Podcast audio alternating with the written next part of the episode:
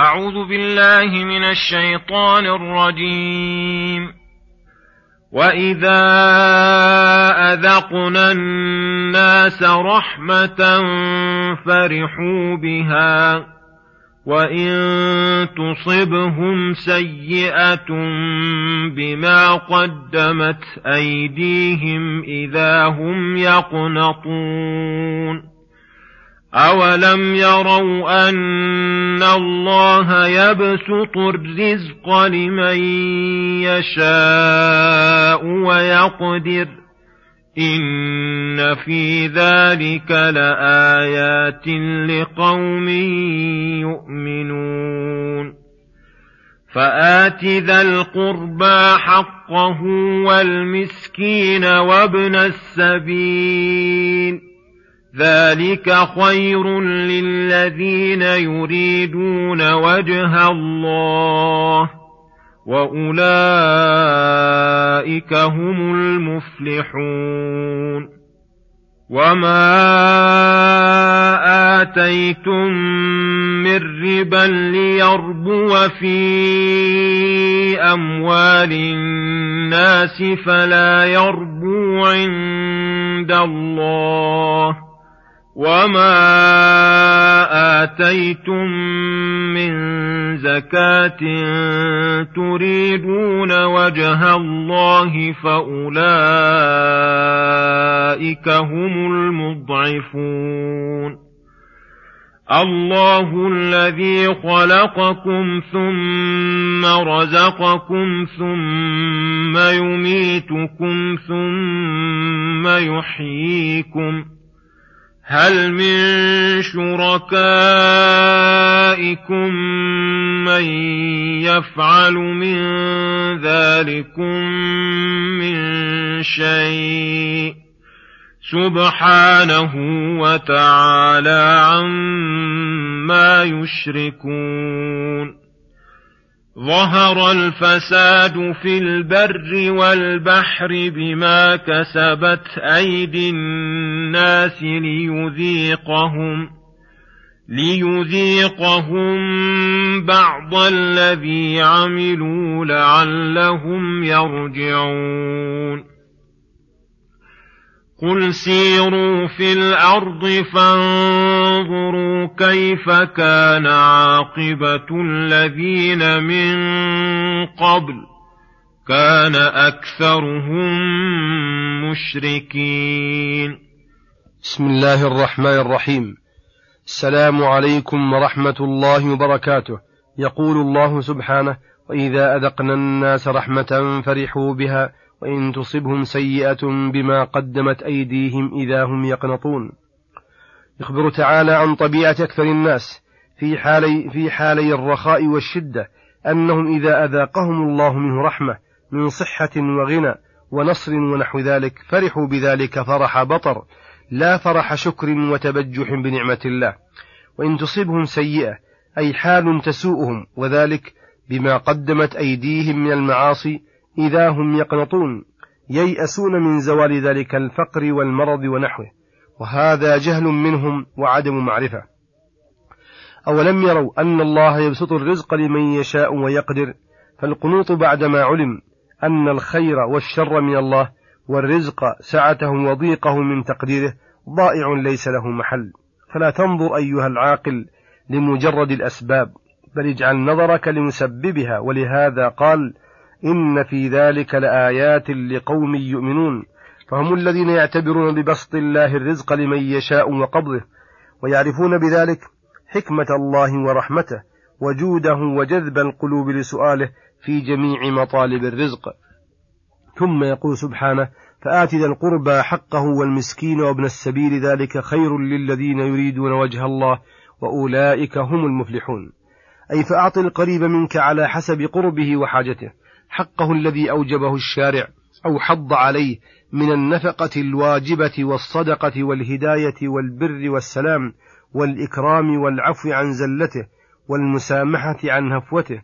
وكذلك آت المسكين الذي أسكنه الفقر والحاجة ما تزيل حاجته وتدفع به ضرورته من إطعامه وسقه وكسوته. وابن السبيل وابن السبيل الغريب المنقطع في غير بلد الذي هو مظنة شدة الحاجة وأنه لا مال معه ولا كسب يدبر نفسه به في سفره. بخلاف الذي في بلده فإنه حتى لو لم يكن له مال فإنه لا بد في الغالب أن يكون في حرفة أو صناعة ونحوها تسد حاجته. ولهذا جعل الله في الزكاة حصة للمسكين وابن السبيل. ذلك أي إيتاء ذي القربى والمسكين وابن السبيل خير للذين يريدون بذلك العمل وجه الله. أي خيرا أي خيرا غزيرا وثوابا كثيرا لأنه من أفضل الأعمال الصالحة والنفع المتعدي الذي وافق محله المقرون به الإخلاص. فإن لم يرد به وجه الله لم يكن خيرا للمعطي وإن كان خيرا ونفعا للمعطى كما قال تعالى لا خير في كثير من نجواهم إلا من أمر بصدقة أو معروف أو إصلاح بين الناس. مفهومها أن هذه الأمور خير لنفعها المتعدي ولكن من يفعل ذلك؟ من يفعل ذلك ابتغاء مرضات الله فسوف نؤتيه أجرا عظيما. وقوله وأولئك الذين عملوا هذه الأعمال وغيرها لوجه الله هم المفلحون الفائزون بثواب الله الناجون من عقابه ولما ذكر العمل الذي يقصد به وجهه من النفقات ذكر العمل الذي يقصد به مقصد مقصد دنيوي فقال وما آتيتم من ربا ليربو في أموال الناس أي ما أعطيتم من أموالكم الزائدة عن حوائجكم وقصدكم بذلك أن يربو أي يزيد في أموالكم بأن تعطوها لمن تطمعون أن يعاوضكم عنها بأكثر منها فهذا العمل لا يربو أجره عند الله لكونه معدوم الشرط الذي هو الإخلاص. ومثل ذلك العمل مثل ذلك العمل الذي يراد به الزيادة في الجاه والرياء عند الناس فهذا كله لا يربو عند الله.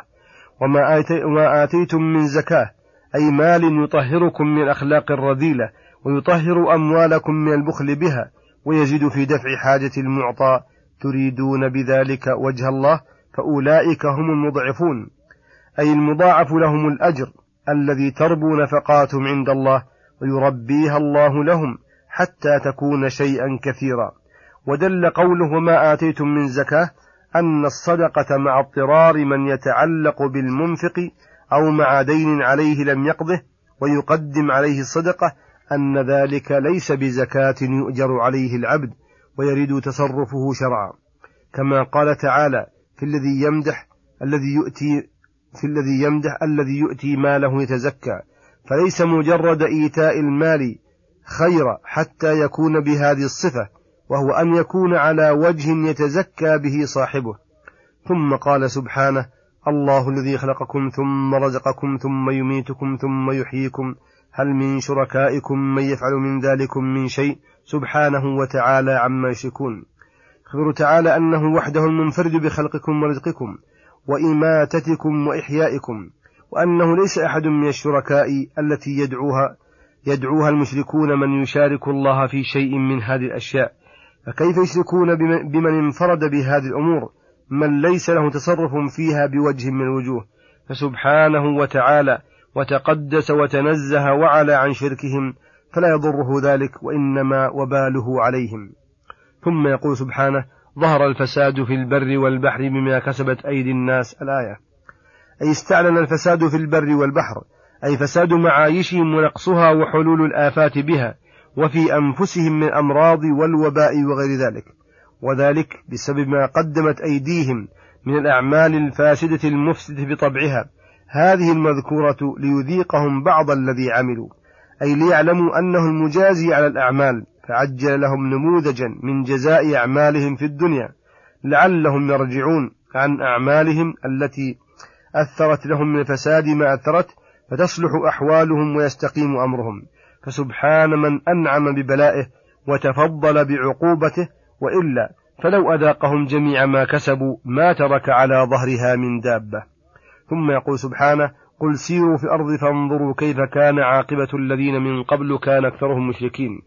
والأمر بالسير في الأرض يدخل فيه السير بالأبدان والسير في القلوب للنظر والتأمل بعواقب المتقدمين. كان أكثرهم مشركين تجدون عاقبتهم شر العواقب ومآلهم شر مآل. عذاب استأصلهم وذم ولعن من خلق الله يتبعهم وخزي متواصل. فاحذروا أن تفعلوا أفعالهم لئلا يحذى بكم حذوهم فإن عدل الله وحكمته في كل زمان ومكان. وصلى الله وسلم على نبينا محمد وعلى آله وصحبه أجمعين. إلى الحلقة القادمة غدا إن شاء الله. والسلام عليكم ورحمة الله وبركاته.